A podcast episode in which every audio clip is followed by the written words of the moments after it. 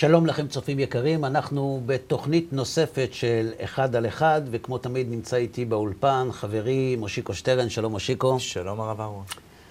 שלום מושיקו. על מה נדבר היום? אנחנו ממשיכים במהלך שהתחלנו בפעם הקודמת. מעולה. התחלנו להתעסק בתורה, עם הספר שהבאת איתך. כן. אה, הרבה תגובות, כמו שראית בטח. ועצרנו בשיא. אז מאיפה אנחנו נמשיך? אה, אם זיכרוני אינו מטעה אותי, עצרנו בסיפור כיפה אדומה. עצרנו עם uh, המקום שבו אנחנו uh, מנסים להבין מי אמר שזה לא השתנה. כל המהלך הזה שעשינו שם. אוקיי. Okay. אנחנו הבאנו uh, את הסיפור של כיפה אדומה בשלוש גרסאות. Mm-hmm. Uh, פעם הייתה, אני פגשתי ושנינו פגשנו. נכון. עכשיו, אני שאלתי אותך בתוכנית הקודמת, מה הגרסה הכי פחות נשמעת טוב אם אנחנו רוצים לשקר? ששנינו פגשנו. ששנינו פגשנו. כי לא פגשנו, ואם אני אדרוש ממך מחיר על הפגשנו, אתה תעמוד על שתי רגליים ותגיד לא פגשנו. כן. לכן, כשמישהו אומר, אני פגשתי, אז זה הרבה יותר קל. כי כל עוד הוא ידע לשמור על גרסה אחת ולעמוד בחקירת צולבת, אה, הוא ישרוד אותה, ואז אה, מי שיאמין לא יאמין, מי שלא יאמין לא יאמין. כן. הוא צריך להישאר איתן בדעתו עד שהוא ייפטר מן העולם, ואז הכל בסדר. ואז, כן, מי שיאמין לו, אז הכל כן. בסדר. ויש את הגרסה הכי פחות... אה, משכנעת, כן, ולכן היא גם הכי פחות מסוכנת, כמו שאתה אומר. שמע, פעם הייתה, לפני הרבה שנים הייתה כיפה אדומה. עכשיו, למה סיפרנו את הגרסאות האלה? כי כשאנחנו באים לשולחן, בידיים נקיות, כמו שאמרנו בפרק הקודם, אה, אנשים אומרים, שמע, יש, יש כמה סיפורים. זאת אומרת, אתם לא בלעדיים בזירה. אתם אומרים שהאמת אצלכם, הנוצרים אומרים שהאמת אצלם, מוסלמים אומרים שהאמת אצלם. אה, למה שאני לא אבדוק אותם לפני שאני בודק אותך? נכון. למרות שנולדתי יהודי. נכון. גם שהם אה, מאוששים את מה שאנחנו אומרים, זאת אומרת, מבחינתם התורה שבכתב היא נכונה. זה נכון. חוץ מאיתנו, כולם מאמינים שהתורה מן השמיים. נכון. אבל יש לזה סיבה. לנוצרים אין בעיה להגיד שהתורה מן השמיים, כי יש להם ספר חדש. אמין יותר, אמין פחות, אבל יש להם ספר. המוסלמים, גם להם אין בעיה להגיד שהתורה מן השמיים, אז שלא בדיוק אומרים את זה, כי אומרים שהתורה שיש לנו היום זה לא התורה שמשה קיבל מהר סיני, אבל הם אומרים שהוא קיבל תורה מהר סיני. אז גם להם אין בעיה להגיד את זה, כי יש להם ספר חדש, אבל אנחנו היהודים, נגיד שהתורה מן השמיים, אומרים צריך לשמור שבת, וזה כבר סיפור אחר. ואז מיד באים ואומרים, מי אמר שזה נכון? יש עוד דתות, וכולם מספרים, אז מי אמר שאתה צודק וכולי. כי נולדת יהודי, אם היית נולד נוצרי, אתה מכיר את הטענות האלה. אם היית נולד נוצרי, היית נהיה יהודי, נו באמת. כיפה אדומה. יש את הגרסה הנוצרית. פעם, לפני הרבה שנים, היה איש אחד שהלך על המים, כשהיה מים בכנרת, והאכיל אנשים רעבים עם לחם, אלפיים איש נהיו שבעים, וריפא חולים בצורה של נס, של נס ועשה דברים גדולים, ו...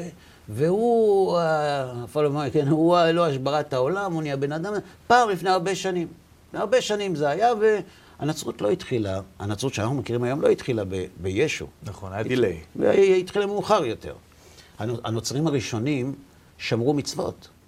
כל כך שמרו מצוות, שהיה צריך לתקן למינים ולמלשינים אל תהי תקווה, כי לא ידעו... להבדיל. להבדיל. כן.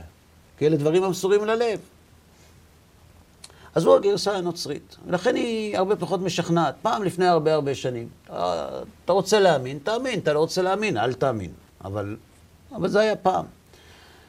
הגרסה המוסלמית היא יותר מתוחכמת. היא אומרת, אני הייתי ביער, לא ביער, במערה, לא אני, מוחמד, והוא פגש את כיפה, לא את כיפה אדומה, את המלאך גבריאל. האמת שמוחמד בעצמו, כש, כשהוא פגש את מי שהוא אומר שהוא פגש, הוא היה בטוח שזה שד.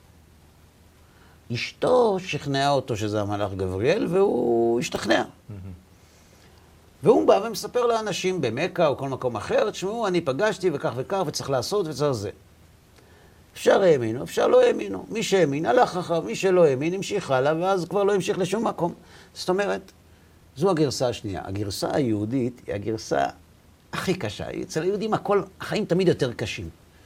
הגרסה היהודית, כמו שראינו, היא אתם ואני היינו ביער ופגשנו את כיפה אדומה. אתם ראיתם, כך כתוב בספר, ואמרנו שאי אפשר לכתוב את הספר מאוחר, ואי אפשר לכתוב אותו באסופה של תעודות, וחייבים לכתוב אותו בגוף ראשון. אבל בגוף ראשון זה אנשים שהיו שם, אנשים שהיו שם זה תיאוריית הקנוניה, ועם זה יש בעיה.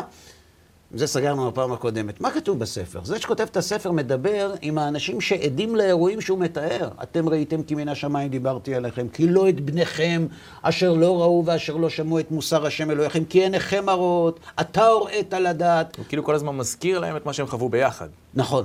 הוא אומר להם, אתם ראיתם, תחתמו, אתם ראיתם. כלומר, הגרסה היהודית זה אתם ואני פגשנו את הקדוש ברוך הוא בהר סיני. ולכתוב את הספר מאוחר ולהחזיר אותו, יש בעיה. לכתוב אותו בזמן אמת כשהדברים לא קורים מסביב, גם יש בעיה. זאת אומרת, הגרסה שלנו, התורה שלנו, יש בה שני מרכיבים. היא מדברת בגוף ראשון אל האנשים שהם עדים לאירועים. Mm-hmm. ולכן קשה מאוד לרמות בסיפור כזה. אם היית כותב פעם, אתה יודע, היה מישהו, זה, זה הלך לנוצרים, למה שלא ילך לך? אה, אם תכתוב, אני פגשתי ואתם צריכים להאמין לי, כי אני דיברתי עם הקדוש ברוך הוא, לא, אולי גם זה ילך. אבל לבוא לעם קשה עורף ולהגיד לו, אתם ראיתם? זו הגרסה הכי קשה. עכשיו, אני פונה להיגיון. אם מישהו רוצה לרמות, הגרסה הנוצרית היא הרבה יותר עדינה, הרבה יותר קליטה, הרבה יותר מונחתת מאשר הגרסה היהודית. אז למה להתעקש? ולראיה גם הרבה יותר סוחפת. מה זה? ולראיה גם הרבה יותר סוחפת. נכון, היא סוחפת מסיבה אחרת. היא סוחפת כי היא לא מחייבת. Mm-hmm. כי רק תאמין והכל בסדר. היהודים רוצים על כל דבר שתשלם. זה הרבה יותר קשה. אז זה לגבי הסיפור של הנצרות, האסלאם והיהדות. זאת אומרת, הנצרות מספרת על משהו שהיה, תרצה תאמין, לא תרצה לא תאמין. המוסלמים מספרים על מישהו שראה, אתה רוצה תאמין לו, לא תרצה לא תאמין לו. אני זוכר, הייתי, ב... הייתי בטכניון, mm-hmm. בהרצאה, ודיברתי על אמיתות התורה, וטענתי ש... שליהדות יש הוכחות על אמיתות האירועים, ולנוצרים ולמוסלמים אין. ניגש אליי בסוף ההרצאה סטודנט, אומר לי, שמע, אני מוסלמי. שמעתי את ההרצאה שלך, האמת מאוד נהניתי, אבל נפגעתי מדבר אחד. למה אתה אומר שאין לנו הוכחות? יש לנו. אמרתי לו, מה ההוכחות שיש לכם? הוא אומר, יש כמה, אם אתה רוצה שנתחיל, אמרתי, תתחיל עם, ה... עם הטובה ביותר.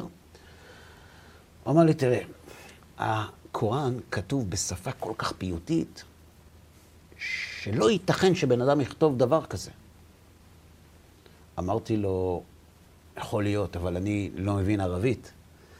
אז אם זו ההוכחה שהאסלאם הוא אמיתי, אם אתם טוענים שכולם צריכים להיות מוסלמים, זה אומר בעצם שגם אני צריך להיות מוסלמי, אבל כדי שאני אהיה מוסלמי אמיתי, אני צריך להאמין שהמסמך הזה מגיע מהמלאך.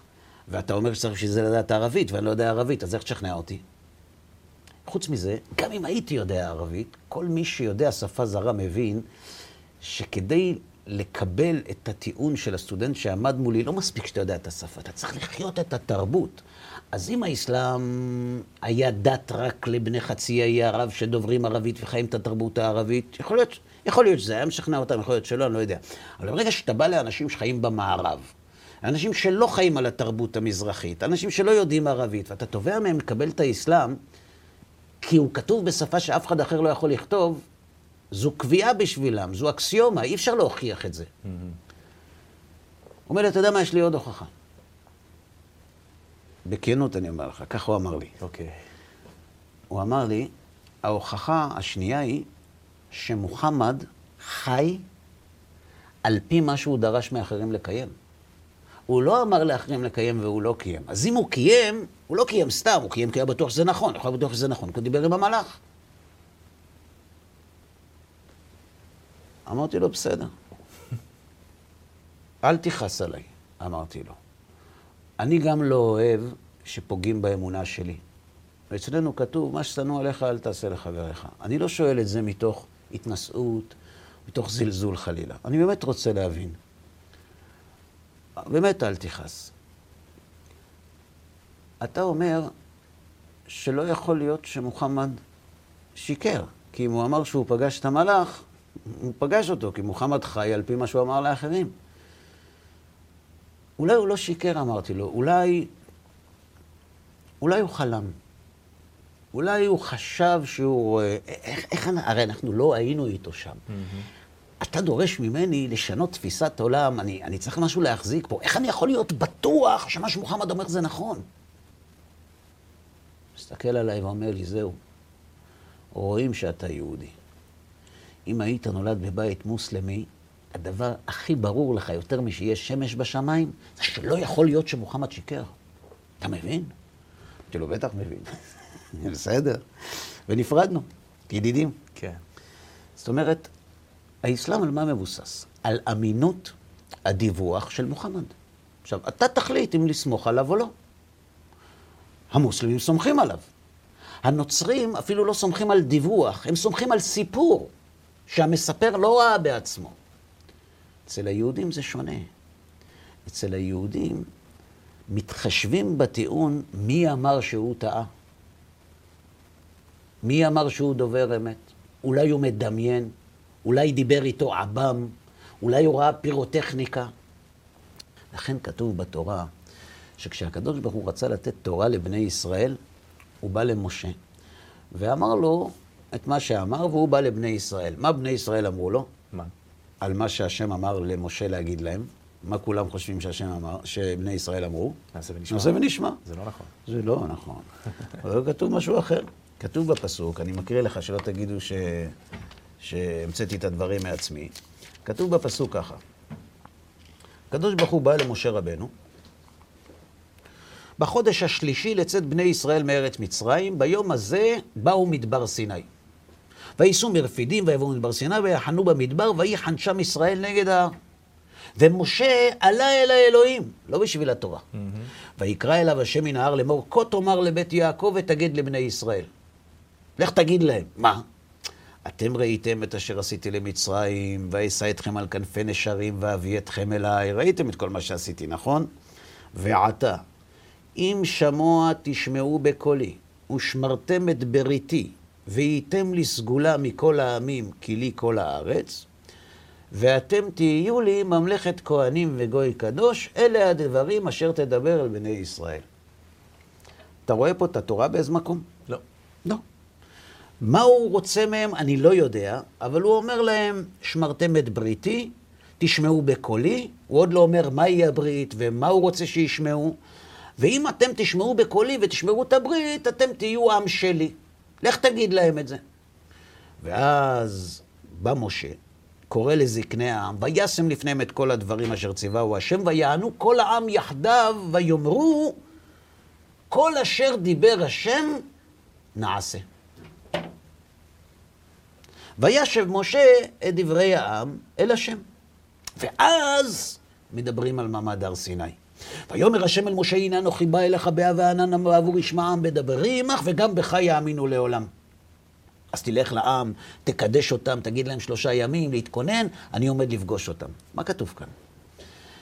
כשמשה רבנו בא לבני ישראל ואמר שהשם דיבר איתו, הם אמרו לו בדיוק את מה שאני אמרתי לסטודנט בטכניון. Mm-hmm. הם אמרו לו, תסתכל ברש"י, כל אשר דיבר השם נעשה. השם, לא אתה. רצוננו לראות את מלכנו. אינו דומה השומע מפי המלך לשומע מפי שליח. אתה שליח, כן ראית, לא ראית, לא ברור לנו הסיפור. תגיד לו שאנחנו מוכנים, אבל כל אשר דיבר השם נעשה, שהוא ידבר איתנו. חוזר הקדוש ברוך הוא, חוזר משה לקדוש ברוך הוא, אומר לו, זה מה שהם אמרו, אומר לו, הקדוש ברוך הוא מצוין, לא סתם בחרתי באנשים האלה, אחרים אפשר לתת להם דתות אחרות. הנה אנוכי בא אליך, בא אליך באה וענן. למה? בעבור ישמע העם בדברי עמך. אומר רבי יהודה הלוי, מעמד הר סיני, כך כותב גם הרמב"ם בהלכות יסודי התורה, מעמד הר סיני, למה הוא נוצר? מה, הקדוש ברוך הוא לא יכול לתת למשה את התורה שייתן לבני ישראל?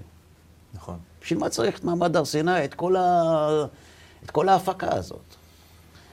כדי למנוע את הטיעון של האסלאם. שלא יבוא מושיקו או אהרון אחרי אלפיים, שלושת אלפים שנה ויגידו, בסדר, היה בן אדם רציני, קיים את מה שהוא אמר, לא יכול להיות שהוא שיקר, ואולי כן. לכן, מעמד הר סיני התבצע לעיני כל העם. עינינו ראו ולא זר, אוזנינו שמעו ולא אחר, כותב הרמב"ם. למה? אומר רבי יהודה הלוי, משה רבנו, האמינו בו ישראל שהוא איש אלוהי, אך עדיין נותר ספק בליבם. האומנם ידבר האלוה עם בשר ודם? הקדוש ברוך הוא מדבר עם בני אדם, איך הוא מדבר איתם? איך הם שומעים אותו? הרי אין לו פה. אז זה שמשה הוא מגה חרטום, זה הוא הוכיח. הנה, הוא הטביע את כולם בים ואנחנו פה. אבל מפה ועד שהשם מדבר איתו, אנחנו רוצים הוכחות. לכן היה מעמד הר סיני. בעבור ישמע העם בדברי עמך, וגם בך יאמינו לעולם. במעמד הר סיני קרו שני דברים. א', כל עם ישראל חווה את הנבואה. כדי להוכיח לבן אדם שהקדוש ברוך הוא מדבר עם בני אדם, הדרך היחידה להוכיח לו את זה, זה שהשם ידבר איתו. לכן, עם ישראל כולו במעמד הר סיני זכה לנבואה כדי שיחווה באופן בלתי אמצעי שהקדוש ברוך הוא מדבר עם בני אדם. ומה הייתה הנבואה שהם שמעו? שהקדוש ברוך הוא אומר להם שמשה הוא השליח שלו. דבר אתה עם הקדוש ברוך הוא. למה הם אומרים לו את זה? כי אחרי שהם שמעו שהקדוש ברוך הוא מדבר, ואחרי שהקדוש ברוך הוא אמר שמשה הוא שליח שלו, אנחנו לא צריכים יותר מזה. מעכשיו תדבר אתה איתו. זה בצד הטכני, אומרים אבל שהם קרה שם משהו שהמית אותם, נכון? זאת אומרת שהיה משהו ש... שפרחה נשמתם כדי ל- ללמד אותנו שההתגלות הזאת לא הייתה בגלל מדרגתם, אלא כדי להוכיח להם שהקדוש ברוך הוא מדבר. אז הם קיבלו את זה, אבל יש לזה גם תוצאה. הם קיבלו את הנבואה, אבל כיוון שהם לא היו ראויים לנבואה, פרחה נשמתם. אבל הם קיבלו את הנבואה. כן. כלומר, התורה מתייחסת לאפשרות שאנחנו מעלים כאן באולפן מושיקו, כבר לפני שלושת אלפים שנה, ומספרת לנו בספר עצמו שבגלל זה הייתה התגלות המונית. עכשיו, מה שנשאר לנו לבדוק, זה האם מאותו רגע שהגיעה התורה, היא לא השתנתה עד היום, וזה הדבר השני שאתה אמרת לי שצריך לעשות. בהחלט. למה שתשתנה? יש לך פה ספר, תמיד היה, מה, כאילו, מה, מאיפה השאלה הזאת באה? א', כי אולי אפשר להבין את הספר? אי אפשר להבין גם אם הוא השתנה, גם אם לא. זאת אומרת, מה, מה מביא אותנו לחשוב אולי זה כן השתנה? תמורות, בגידה. נכון, מסכים. אבל מה השורש של השאלה? כאילו, אתה, אתה גם מופיע מול אנשים. כשמישהו בא אליך ושואל אותך משהו, הוא יצא מן הכלל. זאת אומרת, הוא התאמץ כדי לבוא לשאול שאלה. כשמישהו בא אליי בהרצאה או מרים את היד ושואל שאלה, זה לא מובן מאליו. Mm-hmm. כדי שמישהו ירים את היד באמצע ההרצאה וישאל שאלה, הוא צריך להגיד לעצמו קודם, לשאול או לא לשאול, לשאול או לא לשאול, לשאול או לא לשאול, עד שהחשש מהבושה יהיה קטן יותר מהסבל של אי התשובה. ואז הוא מרים את היד. זאת אומרת, הוא עבר דרך עד שהוא הרים את היד. כן. לכן, כשאני מקשיב לשאלה שלו, מעבר לעצם השאלה האינפורמטיבית, אני צריך לחשוב למה הוא שואל את השאלה הזאת. מה יש בשאלה הזאת שכל כך חשוב לו באופן אישי, שהוא מוכן לצאת מן הכלל כדי לשאול אותה. כשמישהו אומר, אולי התורה השתנתה, אני מנסה לחטט, לחפור, לבדוק, למה הוא שואל את זה? לי יש סברה, לא בטוח שהיא נכונה. אוקיי. כשאנחנו שואלים מי אמר שהקדוש ברוך הוא נתן את התורה, אותה סיבה שמביאה אותנו לשאול את השאלה הזאת, מביאה אותנו לשאול מי אמר שלא השתנתה בדרך. מה מביא אותנו לשאול מי נתן את התורה? תראה, יש פה מחיר. המחויבות. כן, יכולים לספר לי, וזה נכון גם. תשמע, אתה חי חיים של תורה, יש לך משמעות לחיים, ואתה נהנה מכל מצווה ומצווה, הכל נכון. אבל במציאות אנחנו רואים שלא עומדים בתור. זאת אומרת, זה מרתיע. ולמה זה מרתיע מבחוץ? כי יש כאן מחיר מאוד גבוה, שידרש ממני לשלם אם אני יוצא מנקודת הנחה שהתורה מן השמיים. השבת שלי צריכה להיראות אחרת, היום שלי אמור להיראות אחרת. הרבה דברים אמורים להיראות אחרת. עכשיו, אני רוצה לדעת שמה שאני עושה זה נכון. אם זה אמיתי, אני מוכן לשלם. אבל מי אמר שזה נכון? מי אמר שהשם נתן את התורה? אוקיי, השם נתן את התורה, אי אפשר אחרת, הבנו, פחות או יותר. רגע, אבל אולי זה השתנה בדרך. עכשיו, כמו שאתה אמרת, ספר בין 3,332 שנים, לפני המצאת הדפוס, לך תדע כמה תקלות יכולות להיות בדרך. מה אכפת לך? מאוד אכפת לי. אם היו תקלות בדרך, זה לא ספר של השם. זה ספר של אנשים אחרים. הוסיפו, גרעו, שינו. אני, רוצה, אני את הספר שלא מוכן לקיים. עכשיו, באמת, פה שאלה עצומה, איך אפשר למנוע טעויות בספר לאורך כל כך הרבה שנים? אוקיי. Okay. מכאן, לעניות דעתי, מכאן השאלה הבאה. שהיא? מי אמר שהספר לא השתנה לאורך הדרך? אה, אותה השאלה. כן. נכון. נו, אז מה עושים, משיקו? מנסים להוכיח את זה, לא? איך? שהוא לא אני השתנה. אחראי על כל מה שהיה לאורך כל הדרך, אני יודע מה, אני יודע מה היה. היו מסעי צלב, היו גירושים, היה... איך אני... איך אפשר להיות בטוח? בשביל זה אתה בתפקיד הרב אהרון לוי, ואני בתפקיד מושיקו. אז בואו, שיקו, נעשה את זה בתנועה כפולה. דבר ראשון, כשמשה רבנו חותם את הספר, הוא מבצע כמה דברים כדי למנוע את השאלה הזאת. קודם כל, הוא כותב את הספר בעצמו. מתי הוא כותב את זה? לפני מותו? לפני מותו. זאת אומרת, משה רבנו מהר סיני יורד עם עשרת הדיברות, עם חומש בראשית ועם חומש שמות עד פרשת משפטים. ואיך נהיו חמישה ספרים? אה, זה לאורך המדבר, ויקרא אל משה וידבר השם אליו מאוהל מועד. הקדוש ברוך הוא אומר לבני ישראל שהוא ישלח עם משה את המצוות. אז משה, כל פעם שהקדוש ברוך הוא קורא לו, הולך לאוהל מועד, מבין שני הקרובים השם מדבר איתו, הוא מביא איתו קלף, מביא איתו קולמוס וכזה, וכותב את המצווה, חוזר לבני ישראל, אומר להם, קיבלתי מצווה חדשה, וכך, מגילות מגילות, נאספת התורה לאורך השנים. ולכן לאו דווקא בסדר הזה. דווקא דווקא אין מוקדם מאוחר בתורה. ואז הקדוש ברוך הוא אומר לו, בשנה האחרונה עכשיו תיקח את כל, הס... כל המגילות, ואת הספר שירדת איתו מהר סיני, ותתחיל לכתוב לפי איך שאני אומר לך. את סדר המצוות, ואת האירועים שקרו, שאני רוצה שתכתוב בתורה. כמו סיכום. סיכום. ואז משה רבנו חותם את הספר. אחרי שהוא חותם את הספר, הוא כותב אנחנו מדברים על ספר דברים. על כל, כל החמישה אה, ספרים. הוא חזר על הכל? על הכל, אוקיי. ואז הוא חותם את הספר, והקדוש ברוך הוא אומר לו לתת לכל שבט ושבט ספר. זאת אומרת, כל שבט קיבל ממשה רבנו עותק של המקור. את המקור שמו בארון העדות בבית המקדש, עם הלוחות השלמים והלוחות השבורים, ולכל שבט עכשיו יש עותק, שכל מי שרוצה להעתיק, מעתיק ממנו. אוקיי. ברור. עכשיו, משה רבנו כותב בתורה ציווי שהוא לכאורה נראה שולי, אבל הוא מאוד משמעותי בשביל מה שאנחנו מתעסקים איתו. לא תוסיפו על הדבר אשר אנוכי מצווה אתכם, ולא תגרעו ממנו. כלומר, אל תוסיפו מצווה על מה שכתבתי בתורה, ואל תגרעו מצווה על מה שכתבתי בתורה. אפילו נביא אינו רשאי לחדש דבר מעתה. אגב, כל מה שאמרת עכשיו על כתיבת 12 העותקים וכל הדבר הזה, זה לא כתוב בתוך החמישה חומשי תורה. כתוב, כתוב? לא תוסיפו לדבר אשר אני מצווה לא, לא. כל הנושא הזה של איך שאמרת שזה הולך אה, להיות כתוב מאותו בתורה, הרגע. ודאי כתוב. כן? כתוב. לכתוב משה דברי התורה על ספר התומם, ושם את זה אצל הלוויים, כתוב, הכל אוקיי, כתוב. אוקיי. עכשיו, כשהוא אומר להם לא תוסיפו ולא תגרעו, אז יש מצווה שאסור להוסיף ואסור לגרוע. עכשיו, מה יקרה אם מישהו ירצה להוסיף? לפי דעתו יש איזה אירוע משמעותי שקשור למשפחה שלו, שלפי דעתו חבל שעם ישראל לא ידע לא ממנו. יכול, זה לא מהציווי. למה? הוא יכתוב אותו. אתה יודע מה יקרה אם הוא יכתוב אותו?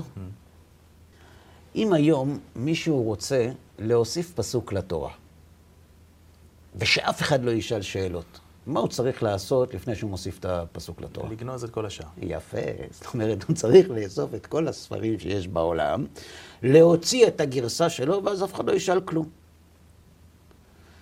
כשאתה מפיץ את הספר, הפצת הספר בעם ישראל לכל שבט ושבט, גורמת למצב שכל שבט ושבט יחפש מי רוצה להוסיף משהו כדי לשים לו אצבע בעין.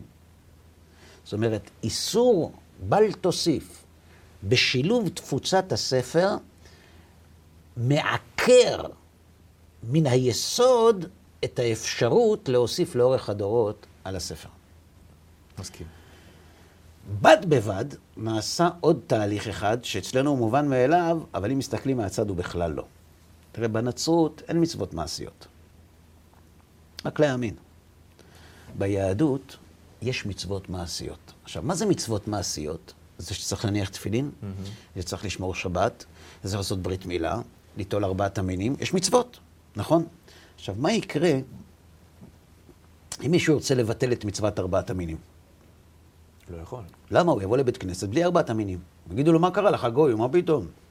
אתם גויים. זה לא כתוב בכלל בתורה. אה, לא כתוב בתורה? פותחים לו את התורה ומראים לו. או הפוך. מישהו יחליט להוסיף עוד מצווה. יום השרשראות. לבוא עם שרשראות בשביל נוי מצווה, זה אלי וענווהו, יש שרשראות כל הגוף והגילים, וכמו שעושים היום. והוא יבוא לבית כנסת, יגידו לו, אנחנו בסיוון, פורים לא עכשיו, מה? הוא אומר, לא, זו מצווה, מצווה חדשה, מה, לא שמעתם יש מצווה? איפה המצווה הזו כתובה? פותח להם את הספר שלו, מראה להם את המצווה, אומרים לו, תלך עם הספר שלך הביתה, תחזור עם הספר המקורי. כשיש מצוות מעשיות שמקיימים אותן בכל דור ודור, זה חקיקה לזיכרון. זה, זה יישום מעשי, זה עיגון של התורה הכתובה בחיי היומיום, ב-DNA של הזיכרון הלאומי, ולכן כשיש מבנה כזה, שמצד אחד אסור להוסיף ולגרוע, ספר מופץ ומצוות מעשיות, קשה מאוד להוסיף ולגרוע לאורך הדרך. וזה, וזה כל זאת בתנאי שבאמת אותם המצוות של לפני שלושת אלפים שנה הם אותם המצוות שאנחנו מקיימים היום. אתה מדבר כרגע על הפירוש של המצוות. או עשייתן. זאת אומרת. עשייתן כתובות בתורה. לא, אני מדבר על עשייתן ובאיזה דרך עשייתן. או, אז אופן עשייתן. כן. זאת אומרת, הפירוש של מה שכתוב בתורה. אוקיי. וזה נעסוק בתוכנית נפרדת. כשנדבר על התורה שבעל פה, על הפירוש של המצוות, נעסוק בזה. אני כרגע מדבר על עצם המצווה שכתובה בתורה. את זה אי אפשר לזייף. כי אם הספר מופץ, ואם יש מצוות מעשיות, אגב, יש, יש בגמרא דוגמה מעניינת. כתוב שבני בטרה לא ידעו אם פסח דוחה את השבת או לא.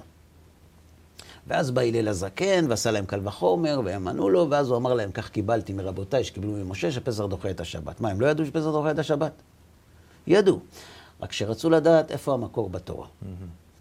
ואז שאלו אותו להלל שאלה, מי ששכח ולא הביא סכין מערב יום טוב, אסור לטלטל, מה הוא עושה ביום טוב? איך הוא הולך לשחוט את הפסח? בשבת, איך הוא הולך לשחוט את הפסח?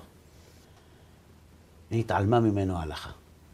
למה? חז"ל אומרים, כי הוא גער בבני ביתרה שהיו נשיאים, ופינו את הנשיאות בשבילו בגלל שהוא היה תלמיד חכם, אז נתעלמה ממנו ההלכה. ואז אמרו ככה, תצאו לרחוב, תראו מה הציבור נוהג.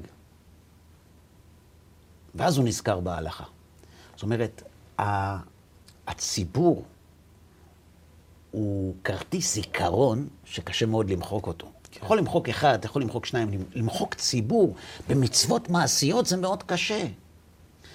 היישום של המצוות המעשיות, פלוס איסור ההוספה והפצת הספר, מי שקצת מתבונן מבין שהיכולת להוסיף או לגרוע היא מאוד מאוד בעייתית. ודוגמה לכך אנחנו רואים בחז"ל. חז"ל, מעבר לעובדה שלא הוסיפו על התורה, כל המצוות דה רבנן והגזרות והתקנות של חכמים, הם עיגנו אותם עם ברקוד, זה לא מהתורה. זה לא תוספת על התורה. זה מה שאנחנו עשינו, מי נתן לכם סמכות נדון, אבל זה לא תורה. למה? כי אי אפשר להוסיף על התורה. כי זה גם לא מעשי. אז זו פרשנות. עכשיו, לגבי הפרשנות נבדוק. עוד נבדוק. עכשיו השאלה, אז איך בכל זאת זה עבר? איך בכל זאת כל הסיפור הזה עבר? אלפי שנים, עם ישראל מתפזר בכל העולם, כולם עושים את אותה סוכה, כולם עושים את מזוזה. קח דוגמה של מזוזה. מה כתוב בתורה? וכתבתם על מזוזות ביתך. כמה זה מזוזות? הרבה. הרבה. מיעוט רבים? שתיים. אוקיי. ראית פעם מישהו ש- ששם על, על הדלת שתי מזוזות? לא. לא. כולם שמים אחת. איך זה יכול להיות? מה, אף אחד לא נתן פר... אף אחד לא שאל, רגע, מי אמר? הרי כתוב מזוזות, אולי טעו. ביום הראשון לוקחים פרי עץ הדר. לא כולם לוקחים, אבל מי שלוקח, לא לוקח לימון. כלומר, אתה רואה שיש רצף של שמירת המצווה על פי הפירוש המקורי לאורך הדורות, כי המצווה היא מעשית. לכן, כשאנחנו מדברים על היסטוריה, מאוד חשוב לבדוק מה הרקורד של עם ישראל עם הזיכרון ההיסטורי. כי מעבר לעובדה של המצוות המעשיות ואיסור תוספת והפצת הספר ו- וכולי, במנותק, בואו נסתכל. אם אתה מסתכל על עמים אחרים, איך, איך הם התחילו, מי העביר ממי ולמי, אתה רואה חושך. אתה רואה איך שאתה מחפש בנצרות, למשל, כן? את הייחוס של ישו לדוד המלך, שלא מדובר בכל כך הרבה זמן. אתה יודע כמה בעיות יש שם? כן. עד כדי כך שהם אומרים, עזוב, זה לא, אנחנו יודעים שהוא מדוד המלך, אנחנו לא, לא, לא מעוניינים ללמוד גם איך זה, אנחנו יודעים שהוא מדוד המלך, וזה נגמר. אוקיי. למה? כי יש הרבה תקלות שם. יש כאלה שהוסיפו, יש כאלה שמחקו אותם, יש כאלה שעקפו אותם. בעם ישראל, יש לנו סדר מהספר הזה עד היום. מי שנכתב הספר הזה עד היום, אנחנו יודעים מי העביר אותו למי. כל יום, כל דור. משה קיבל תורה מסיני, ומסרה יהושע, ליהושע, ויהושע, שופטים, לשופטים, זקנים, זקנים לנביאים, ונביאים מסרו אל אנשי כנסת הגדולה, נכון? Mm-hmm. אנשי כנסת הגדולה מסרו לשמעון הצדיק, פרקי אבות, עכשיו קוראים. נכון. שמעון הצדיק לאנטיגונוס איש סוחו. לאנטיגונוס היו שני תלמידים, אז מתחילה תקופת הזוגות, רבי יוסי בן יועזר ורבי יוסי בן יוחנן איש ירושלים. שהם העבירו ליהושע בן פרחיה ולנתאי הארבלי, שהיו תלמידים שלהם. עכשיו, כל אחד מהם או אב בדין או נשיא. Mm-hmm. זאת אומרת, מעבירי המסורה. יהושע בן פרחיה וניתאי הארבלי העבירו ליהודה בן טבעי ולשמעון בן שטח. שהם העבירו לשמעיה ואבטליון, שהיו הרבנים של הלל ושמאי. בהלל ושמאי מסתיימת תקופת הזוגות. ואז הלל מעביר לבנו, שמעון בן הלל. למה לא כל כך שומעים עליו? נכון. כי אם תבדוק בפרקי אבות, תראה ששמעון בן הלל אומר, כל ימיי גדלתי בין החכמים ולא מצאתי לגוף טוב משתיקה. הוא לא העביר את זה. אז כמעט לא שומעים עליו, כי הוא לא אמר משמו כלום. שמעון בן הלל העביר לבנו, רבן גמליאל הזקן, שהיה נכד של הלל. רבן גמליאל הזקן העביר לבנו רבן שמעון בן גמליאל הנהרג. הוא נהרג לפני החורבן על ידי הרומאים בעשרה הרוגי מלכות. כן. וכיוון שהרומאים רדפו את אה, בית הנשיא, אז רבן גמליאל השני, בנו של רבן שמעון בן גמליאל הנהרג, ברח, ומי שהחזיק את ההנהגה הרוחנית מדור לדור באותה תקופה היה רבן יוחנן בן זכאי, שהיה רבם של גם רבן גמליאל, גם רבי יהושע בן חנניה, גם רבי אליעזר בן אורקנוס, כל גדולי האומה. שנתיים אחרי החורבן, המצב הפוליטי קצת נרגע, ואז רבי יוחנן פרש לברור חיל, ורבן גמליאל חזר להנהיג את הסנהדרין, הוא הקים אותה ביבנה, ואז נפסקה ההלכה כבית הלל.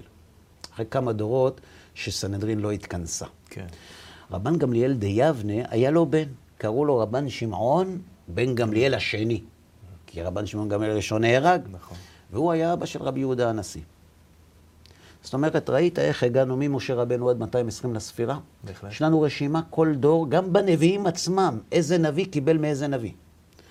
רבי יהודה הנשיא היו לו הרבה תלמידים, אבל כמה תלמידים בולטים היו רב ושמואל ורבי יוחנן. רבי יוחנן נשאר בארץ ישראל, הקים בטבריה ישיבה וכתב את התלמוד הירושלמי, ורב ושמואל ירדו לבבל. ואז מתחילה שושלת המסורה של התורה הארץ-ישראלית בבבל. רב ושמואל לרבה, שמסר לרבה, שמסר לרב פאפה, שמסר לרבי יוסף, שמסר לרב הונא, עד שאנחנו מגיעים לסוף תקופת האמוראים, רבינה ורב אשי, שהם חותמי התלמוד. התלמוד זה בעצם תוכנת החילוץ של המשנה שערך רבי יהודה הנשיא. כלומר, רבי יהודה הנשיא לקח את כל התורה שבעל פה עד תקופתו, דחס אותה בקובץ, מכמה סיבות הוא דחס אותה. אחת מהן זה כדי שמי שלא צריך לא יבין, והפקיד בידי התלמידים שלו את התוכנה לחילוץ, והחילוץ נעשה במטיבתות. סורה, נהרדע, פומפדיטה בבבל, ואת התורה של החילוץ של המשניות שנעשתה בישיבות בבבל, סיכמו וערכו רבינה ורב אשי. אז מתחילה תקופה קצרה של סבוראים, ומתחילה תקופת הגאונים המפורסמת בבבל. תקופת הגאונים בבבל הייתה תקופה מרתקת, כי היא לא הייתה רק תקופה תורנית, היא גם הייתה תקופה פוליטית. Mm-hmm. בתקופת הגאונים, הרוב עם ישראל, כמעט 90 אחוז מעם ישראל, היה נתון תחת שלטון מוסלמי. בין 622 לספירה עד 750 לספירה, המוסלמים במסע כיבוש מרתק החזיקו ברצועת ארץ שבין סין לבין האוקיינוס האטלנטי. ו-90% מעם ישראל היה נתון תחת שלטון מוסלמי. עכשיו, למה זה חשוב? כי היה בבבל אוטונומיה ליהודים. היה ראש הגלות וראש הישיבה. הנשיא, ראש הגלות וראש הישיבה, הגאון. והייתה להם סמכות לא רק לדון דיני ממונות, על פי החליף ניתנה להם גם הרשות לדון דיני נפשות. ומכל העולם פנו יהודים בשאלות אל הגוף ההלכתי הסמכותי של הדור, שאלו הם הגאונים. לכן אתה יכול לראות בתשובות הגאונים שאלות שהן מורצות אליהם כמעט מכל העולם. היו הגאונים, היה רבי יהודאי גאון, תקופת רבי יהודאי גאון נכתב ספר ההלכה הראשון בהיסטוריה של עם ישראל. רבי נטרונאי גאון, רבי עמרם גאון, שהוא המקור לנוסח הספרדי של הסידור. Mm-hmm. היה, אחר כך היה גם רב שרירא גאון, היה רב סעדיה גאון.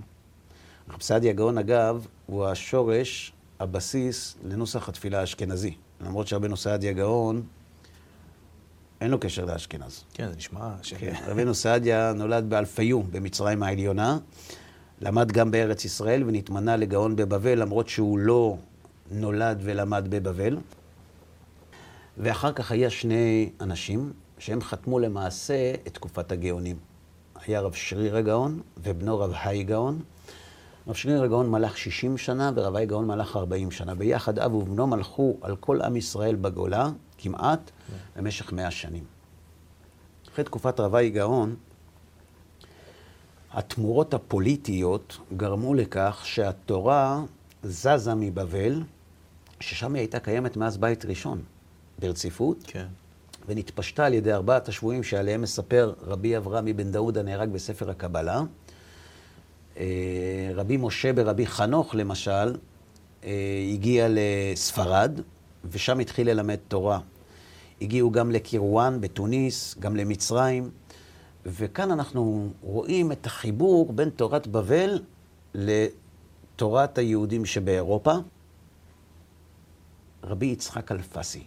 רבי יצחק אלפסי הוא ראשון הראשונים, והוא נושק לתקופת הגאונים. הוא הגיע מאלג'יר לספרד, לאליסנה, הוא פתח שם ישיבה, הוא ברח מאלג'יר כי העלילו עליו איזו עלילה, והוא הגיע לשם ולמדו אצלו בישיבה שני אנשים מפורסמים שאנחנו יודעים עליהם. אחד, קראו לו רבי יהודה הלוי, mm-hmm. זה לא רחוב, ו... ואחד קראו לו רבי יוסף אבן מיגס, מה שקוראים היום בעולם הישיבות ארי מיגש. רבי יוסף אבן מיגס היה גאון עצום בתורה, ואצלו למד רבי מימון הדיין. מי זה רבי מימון? רמב"ם. אבא של הרמב"ם, נכון? ואז הגיע הרמב"ם, וכשהרמב"ם היה בן ארבע, פחות או יותר, אבא שלו לקח אותו ואת אחיו דוד, והם ברחו מספרד, כי הגיעה קבוצה של קיצונים מוסלמים מהמגרב, והחליטה שמי שלא יתאסלם ימות, ואז הם ברחו לפס, ואחר כך משם הגיעו לארץ ישראל, ואחר כך הם ירדו למצרים. אבל מה קרה אז בספרד? אנחנו צריכים להמשיך את הרשימה. כאן מגיע הרמב"ן, רבנו משה בן נחמן. מאיפה רבנו משה בן נחמן למד? אצל מי הוא למד? נכון. כי הרי הרמב"ם ברח מספרד כשהוא נכון. היה ילד. כאן אנחנו רואים את פלא ההשגחה, איך הקדוש ברוך הוא מסובב כל הסיבות. אמרנו שהריף היה ראשון הראשונים בספרד. מי היה מראשוני הראשונים באשכנז? הרי היו מרכזים גם בארץ ישראל, אה, בתקופת הגאונים היה רבי אהרון בן מאיר בישיבת גאון יעקב בארץ ישראל, היה בצרפת, היה בפרובנס. וכאן קורה דבר מאוד מעניין. הרמב"ן חי בברצלונה, נולד בגירונה. חי בברצלונה, אבל למד תורה אצל חכמי צרפת. אצל מי? אז אנחנו מתחילים במקביל רבי גאון, רבי יצחק אלפסי, ובאשכנז מי קיבל ממנו? אומר מהרש"ל רבנו גרשום מאור הגולה. רבנו גרשום באשכנז למד, קיבל תורתו מרב היי, היה לו תלמיד, קראו לו רבי יעקב בן יקר. רבי יעקב בן יקר היה תלמיד, קראו לו רבנו שלמה יצחקי. רש"י. רש"י. לרש"י היו נכדים. כשהמפורסמים ביניהם זה רשב"ם ורבנו תם. תוספות. נכון, בעלי התוספות. לרבנו תם היה נכד שקראו לו רבי יצחק הזקן, רי הזקן. לרי הזקן היה תלמיד, קראו לו רבי יצחק בן אברהם, הרצבה. לרצבה היו שני תלמידים. אחד קראו לו רבי יהודה בן יקר, והשני קראו לו רבי נתן בן מאיר. שני הרבנים האלה היו הרבנים של הרמב"ן. וכאן קורה דבר מאוד מעניין. תראה איך תורת המערב ותורת המזרח מתחברות. אחרי הרמב"ן, היה בספרד תלמידו, רבנו שלמה בן אברהם אבן אדרת, הרשב"א. אוקיי. הראש, רבנו אשר, היה תלמיד של מהר"ם מרוטנבורג, שהיה מאחרוני בעלי התוספות בצרפת. והוא ברח מצרפת לספרד, כי את רבו, כפי שאנחנו יודעים, כלאו במגדל שם ודרשו עליו כופר, והוא מת במגדל, וכשהוא הבין שהוא הבא בתור, הוא ברח. ואז הוא הגיע אל הרשב"א. לישיבה של הרשב"א, אף אחד לא מכיר אותו, מגיע מאשכנז, התיישב בישיבה של הרשב"א, הרשב"א מגיע ללמד, מביא תרנגולת צלויה לבית המדרש, אומר, מי שיענה לי על השאלה שאני שואל עכשיו, יקבל לארוחה תרנגולת צלויה. הראש ענה. שואל הרשב"א, מי אתה? אומר לו פסוק, לגר אשר בשעריך תתננה והאכלה. מגיע לי התרנגולת. אבל מה כתוב בפסוק? אשר. רבנו אשר זה הראש. יפה. ואז כתוב שישב איתו הרשב"א שבוע ימים. ישבו ודיברו בתורה. אחרי שבוע הרשב"א נתן לו כתב הסמכה, והוא נהיה רב בקסטיליה. שיש קשר ליהודי מרוקו עם מנהגי אשכנז, בגלל רבנו אשר שהיה רב בקסטיליה, שהרי בפרעות קנ"א, 1391, ברחו הרבה מאוד יהודים למרוקו, ואיזה מנהגים הם הביאו איתם? של הרבי. שלהם, שהגיע מאשכנז. איך הראש מתקשר עם הרמב"ן? כתוב, הראש מביא קושייה מאוד מעניינת. אנחנו יודעים שבראש השנה אנחנו רואים עשרה פסוקים זיכרונות, עשרה פסוקים שופרות, עשרה פסוקים מלכויות, זיכרונות שופרות. מה הפסוק האחרון שאיתו אנחנו חותמים את השופרות? וביום שמחתכם ומועדיכם ותקעתם בחצוצרות לפני השם אלוקיכם, אני השם אלוקיכם.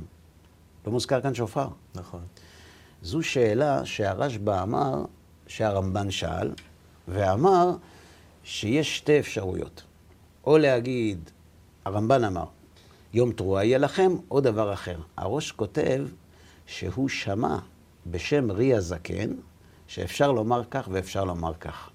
זאת אומרת, אתה רואה שהראש והרמב"ן, ששניהם מדברים על המקור של רי הזקן, שהרצבא היה תלמידו, שהיה רבי של רבי יהודה בן יקר ורבי נתן בן מאיר, הרבנים של הרמב"ן, אתה רואה איך הכל מתחבר. אחרי הראש הגיע רבי יעקב בן אשר.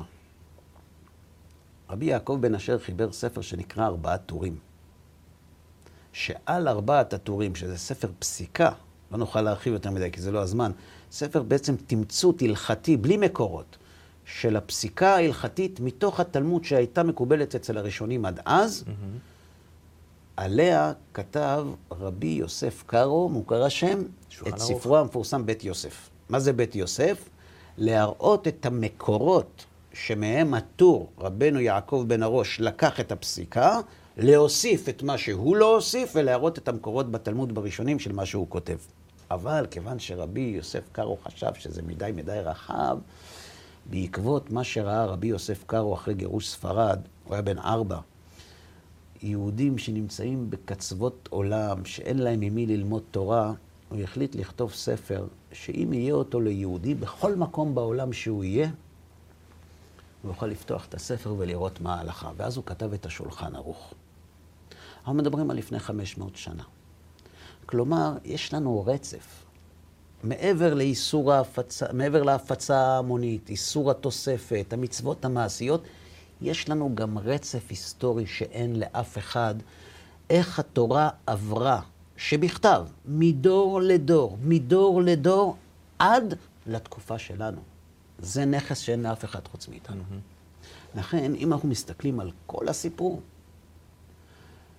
השאלה, מי אמר שבדרך לא קרתה תקלה בספר עצמו, אני חושב שהדברים האלה הם התחלה לבניין שיהיה קשה לסתור אותו.